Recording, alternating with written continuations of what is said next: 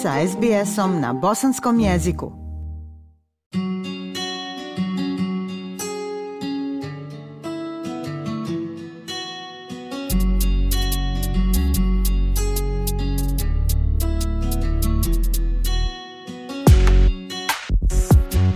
Slušate SBS program na Bosanskom. U narednom prilogu govorimo kako se današnji Australci bore sa skupoćom, sa velikim pritiscima, povećanja životnih troškova, te kako u toj novoj realnosti štednje sačuvati mentalno zdravlje. Novo istraživanje je pokazalo da smanjenje kupovine namirnica i ličnih potrebština brzo postaju nova normalnost – Zdravstvene dobrotvorne organizacije naglašavaju preraspodjelu budžeta kao način smanjenja uticaja krize troškova života na mentalno zdravlje, izvještava Penry Buckley.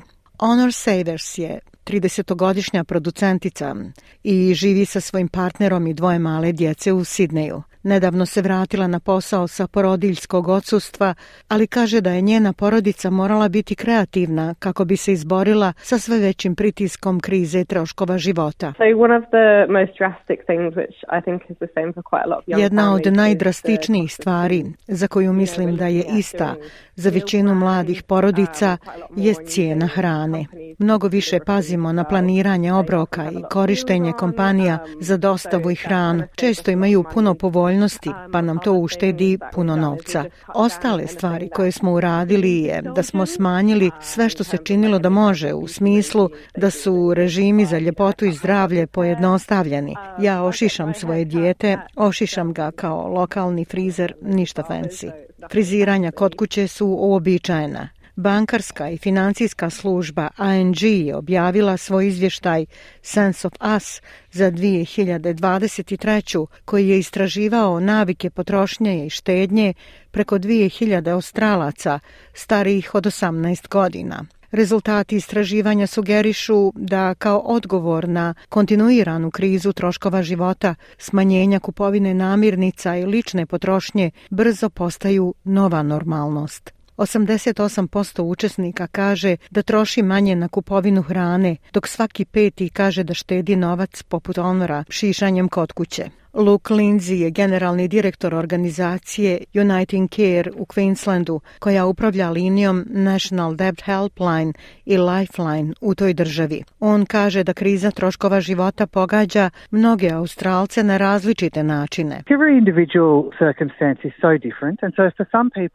Svaka okolnost je toliko različita za svakog pojedinca, tako da su za neke ljude troškovi života porasli, a njihove plate i nadnice nisu porasle. Za druge je bilo smanjenje radnih mjesta ili sati ili je jedan roditelj ili staratelj izgubio posao i odjednom su im se prihodi smanjili. Zdravstvene organizacije kao što su Uniting Care naglašavaju važnost budžetiranja kao načina za smanjenje uticaja rastućih troškova života na mentalno zdravlje. Gospodin Lindsay kaže da njihove linije u posljednje vrijeme primaju veliki broj poziva od onih koji se suočavaju sa financijskim pritiscima.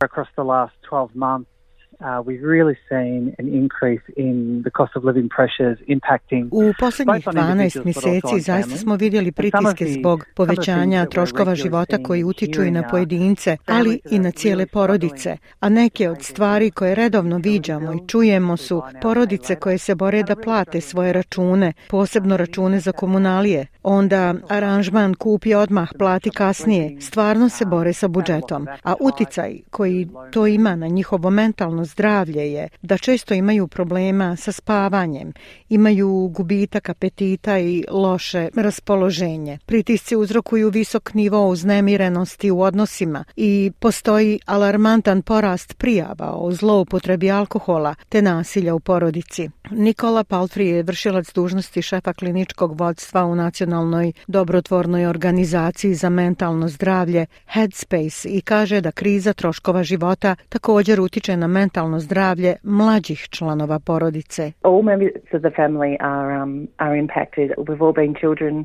Um, Svi članovi porodice su pogođeni. Uh, Svi smo mi bili djeca i znamo da kada su odrasli u našim životima pod stresom, onda to utiče i na nas i na naše mentalno zdravlje i dobrobit. Bez obzira da li ste petogodišnjak ili petnaestogodišnjak. Iako odrasli možda pokušavaju zadržati taj stres za sebe, on uh, definitivno procuri i djeca to vide vide kada su ljudi zabrinuti, kada se svađaju oko novca, osjećate se pod stresom i zbog onoga što tražite da se stavi u lunchbox i Headspace i Uniting Care Queensland nude savjete o raspodjeli budžeta na svojoj web stranici. Kažu kako se pritisci normaliziraju, pravilne prakse budžetiranja su važne za dobrobit kao i rutina zaštite mentalnog zdravlja. Gospođa Paltri kaže da neki osnovni koraci mogu uveliko pomoći u oblažavanju financijskog stresa. There's an acronym BOSS um, around budgeting options, services and support. Postoji akronim and really BOS, Budgeting all, Options, Services and Support, budžetiranja, opcije, usluge i podrške. A ono što to zapravo znači je prije svega raditi ono što ponekad ne volimo i da gledamo na što trošimo svoj novac, pratimo svoju potrošnju, uspostavljamo neke procese, direktno zaduživanje, uh, da bismo te osnovne stvari, najam ili garanciju ili druge tekuće režije, na primjer, skinuli s naše plate što je prije moguće, ali i da gledamo druge opcije koje su stvari možda i ispravne. Za one koji imaju problema s dugom ili manjkom prihoda, Lindsay kaže da je bolje djelovati prije nego kasnije.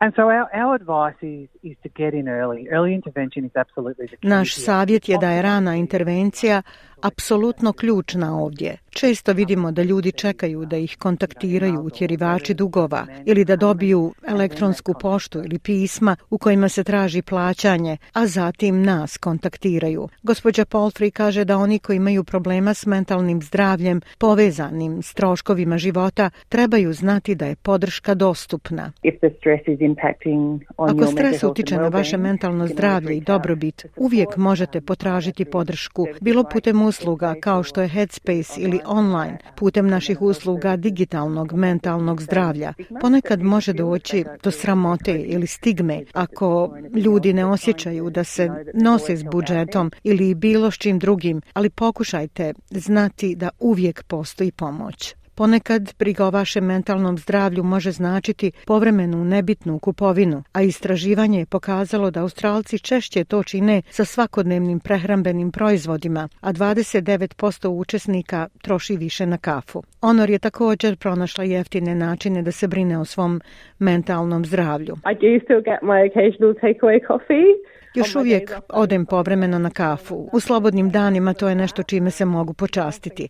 Osim toga, najbolja stvar za mene je samo da imam malo vremena za sebe, da trčim. Bez kraja na vidiku krize troškova života, pronalaženje malih, svakodnevnih radosti može biti najbolja utjeha za mnoge australske porodice. Svi koji traže informacije ili podršku u vezi s dugom mogu kontaktirati financijskog savjetnika putem nacionalne linije za pomoć za dug na 1800 007 007 Ako vama ili nekome koga poznajete treba podrška, kontaktirajte kriznu podršku Lifeline na broj telefona 131114, službu za povratne pozive za samoubistvo na 1300 659467 i liniju za pomoć djeci na 1800 55 za osobe od 5 do 25 godina. Više informacija dostupno je na beyondblue.org.au ili lifeline.org sbs.org.au. Ja sam Aisha Hadži Ahmetović. Ostanite uz program SBS Radija na bosanskom jeziku. SBS na bosanskom. Podijelite naše priče preko Facebooka. Želite poslušati još ovakvih priča? Slušajte preko Apple podcasta, Google podcasta, Spotify ili kako god da primate svoje podcastove.